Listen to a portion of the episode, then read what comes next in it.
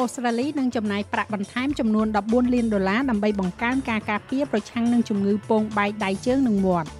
អាជីវកម្មនឹងជួបការលំបាកជាច្រើនខែខាងមុខដោយសារកង្វះកម្លាំងពលកម្មនិងការផ្គត់ផ្គង់មេដឹកនាំរដ្ឋនិងដែនដីជាច្រើនអំពាវនាវឲ្យរដ្ឋាភិបាលសហព័ន្ធពិចារណាលើការស្ដារឡើងវិញនៃប្រាក់ជំនួយ COVID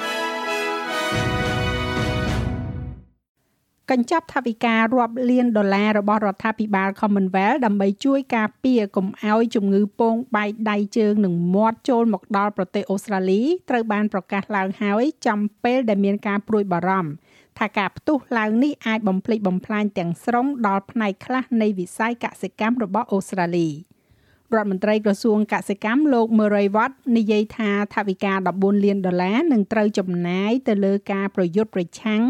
នឹងការរីករាលដាលនៃជំងឺនេះនៅក្នុងប្រទេសអូស្ត្រាលីនិងនៅបរទេស pleased to announce today ខ្ញុំមានសេចក្តីសោមនស្សរីករាយណាស់ក្នុងការប្រកាសនៅថ្ងៃនេះនៅកញ្ចប់ថវិកាថ្មីចំនួន14លានដុល្លារដែលមិនបានប្រកាសពីមុនជាជំហានបន្ទាប់ក្នុងការលើកកម្ពស់វិធីសាស្ត្រពីរផ្លូវរបស់យើងក្នុងការប្រយុទ្ធប្រឆាំងនឹងជំងឺពងបែកដៃជើងនិងមាត់ មានវិធានការថ្មីដែលយើងកំពុងប្រកាសដែលអនុវត្តនៅក្នុងប្រទេសអូស្ត្រាលី បង្កើនធនធានក្នុងប្រទេសអូស្ត្រាលី និងបង្កើនធនធានជាពិសេសនៅក្នុងប្រទេសឥណ្ឌូនេស៊ីក្នុងចំណោមនោះទឹកប្រាក់ចំនួន5លានដុល្លារនឹងឈ្មោះទៅរកវិធានការជាមូលដ្ឋាននៅក្នុងប្រទេសឥណ្ឌូនេស៊ីទីមាត់ខាងកើតនិងប៉ាពួរញូហ្គីណេរួមទាំងជំនួយបច្ចេកទេសនិងជំនួយផ្នែករោគរាតត្បាតផងដែរ។ ទឹកប្រាក់ចំនួន9លានដុល្លារបន្ថែមទៀតនឹងត្រូវចំណាយទៅលើមន្ត្រីសន្តិសុខជីវៈសវត្ថភាពថ្មី ចំនួន18នាក់ដែលត្រូវឈរជើងនៅអាកាសយានដ្ឋាននិងមជ្ឈមណ្ឌលផ្ញើសាររបស់អូស្ត្រាលីក៏ដូចជាសត្វឆ្កែតាមដាននៅ Cairns និង Darwin ផងដែរសមាជិកប្រសិទ្ធិលោកវត្តបានប្រមានថាជំងឺនេះអាចបណ្ដាលឲ្យមានផលប៉ះពាល់ដល់សេដ្ឋកិច្ច80ពាន់លានដុល្លារប្រសិនបើវាត្រូវបានអនុញ្ញាត ឲ្យឆ្លងរាលដាលនៅក្នុងប្រទេសអូស្ត្រាលីក្នុងពេលជាមួយគ្នានេះរដ្ឋាភិបាលសហព័ន្ធកំពុងព្យាករថាអាជីវកម្មនឹងជួបការលំបាកក្នុងពេលជាច្រើនខែខាងមុខដោយសារសម្ពាធចំនួន2គឺការផ្គត់ផ្គង់និងកង្វះកម្លាំងពលកម្មអត្រាគ្មានការងារធ្វើរបស់ប្រទេសអូស្ត្រាលីបានធ្លាក់ចុះដល់កម្រិតទាបបំផុតដែលឈានដល់3%កន្លះកាលពីខែមុន។ ជាលទ្ធផលទីផ្សារការងារមានភាពតឹងតែងហើយការខ្វះខាតកម្លាំងពលកម្មបូកផ្សំទៅនឹងបញ្ហាខ្សែសង្វាក់ផ្គត់ផ្គង់កំពុងបង្ខំឲ្យអាជីវកម្មមួយចំនួនដាក់កម្រិតទៅលើប្រតិបត្តិការរបស់ពួកគេថ្លែងទៅកាន់ ABC ជំនួយការហេរ៉ាញឹកសហព័ន្ធលោក Steven Jones មានប្រសាសន៍ថានឹងមានការលំបាកជាច្រើនខែនាពេលខាងមុខ វាជាការងាររបស់រដ្ឋាភិបាលនៅក្នុងការព្យាយាមនិងគ្រប់គ្រងផ្លូវរបស់យើងឆ្លងកាត់បញ្ហាទាំងអស់នេះវានឹងមានការលំបាកពី3ខែយើងដឹងថាវានឹងមានពន្លឺថ្ងៃនៅចុងម្ខាងទៀតប៉ុន្តែក្នុងរយៈពេល3ទៅ6ខែខាងមុខនេះយើងមានដំណើរការដ៏លំបាកនៅខាងមុខយើង។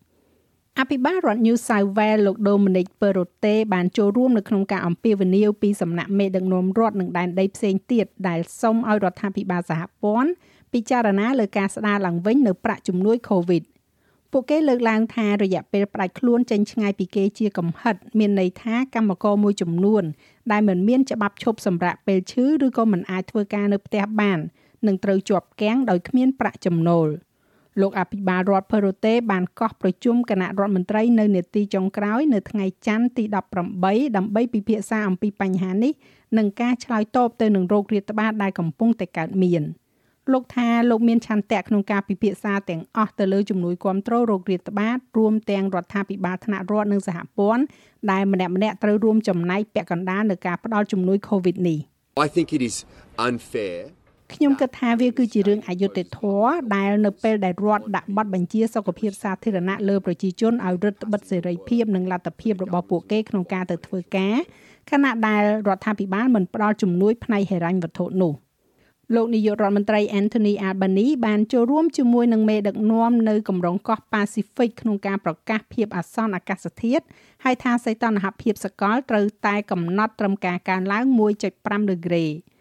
ការចេញផ្សាយនៅសេចក្តីថ្លែងការណ៍រួមបន្ទាប់ពីកិច្ចប្រជុំរយៈពេល2ថ្ងៃនៅវេទិកាកោះ Pacific នេះនឹងដាក់សម្ពាធលើរដ្ឋាភិបាលលោក Albanese ឲ្យកាត់បន្ថយការបំភាយឧស្ម័ននៅក្នុងប្រទេសអូស្ត្រាលីកាន់តែស៊ីជម្រៅជាងមុន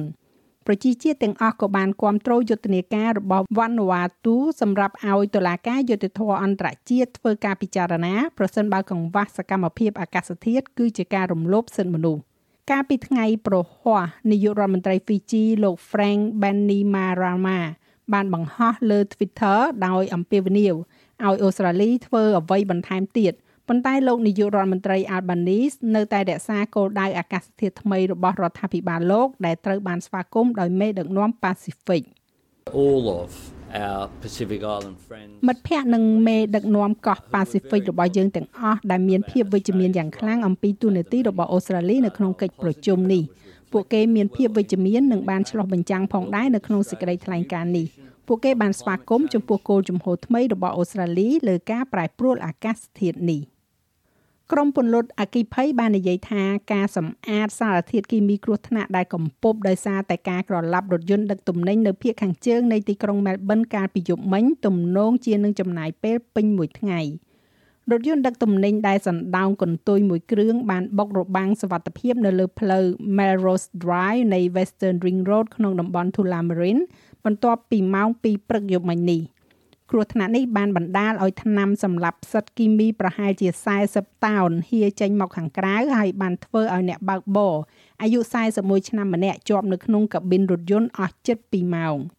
អ្នកបើកបររូបនោះត្រូវបានគេបញ្ជូនទៅមន្ទីរពេទ្យ Royal Melbourne ក្នុងស្ថានភាពនឹងណូដោយមានរបួសស្រាល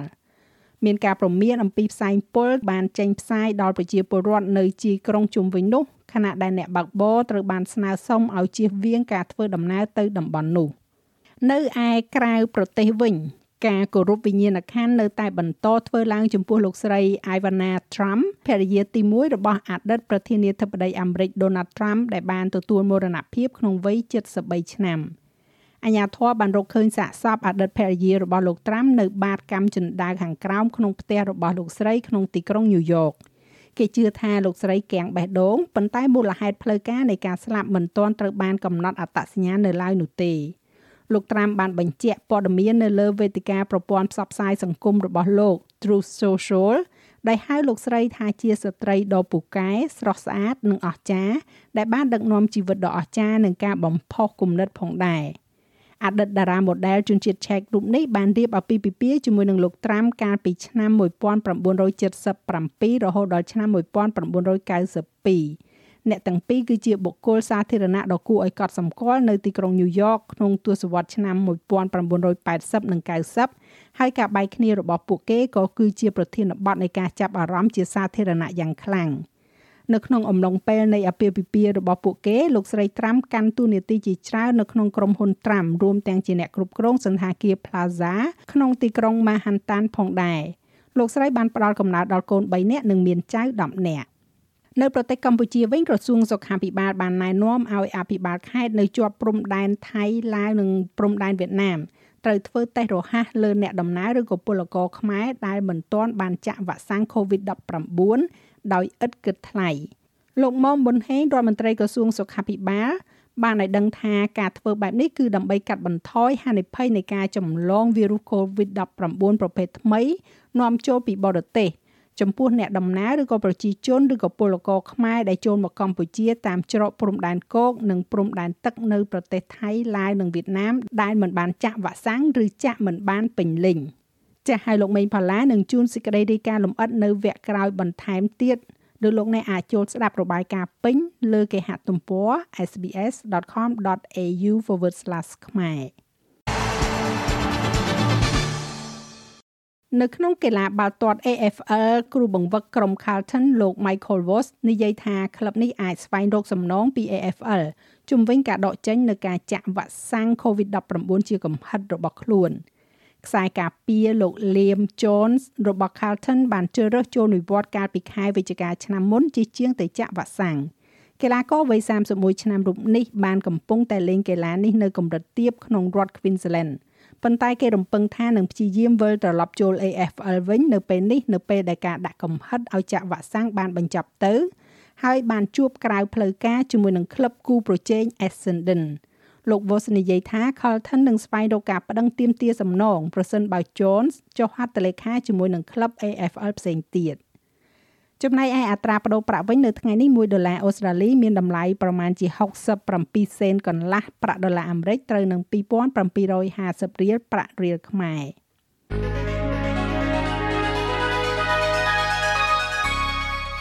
ចាឥឡូវយើងក៏លេខមកមើលការព្យាករណ៍អាកាសធាតុសម្រាប់ថ្ងៃសៅរ៍ស្អែកនេះវិញ ទីក្រុងផឺតរលឹមបន្តិចបន្តួច19អង្សាអាដាលេដរលឹមខ្លាំងឡើង15អង្សាមែលប៊នមានខ្យល់ហើយក៏រលឹមបន្តិចបន្តួច13អង្សាហូបាតមានពពក13អង្សាខេនបេរ៉ាធ្លាក់ទឹកកកនៅពេលព្រឹកមានពពក10អង្សាស៊ីដនីមានពពកដោយពេល16អង្សា Brisbane ភាគច្រើនបើកថ្ងៃ21អង្សា Cairns រលឹមបន្តិចបន្តួច26អង្សា Darwin ភាគច្រើនបើកថ្ងៃ28អង្សា ទីក្រុងភ្នំពេញមានភ្លៀងរន្ទះ32អង្សា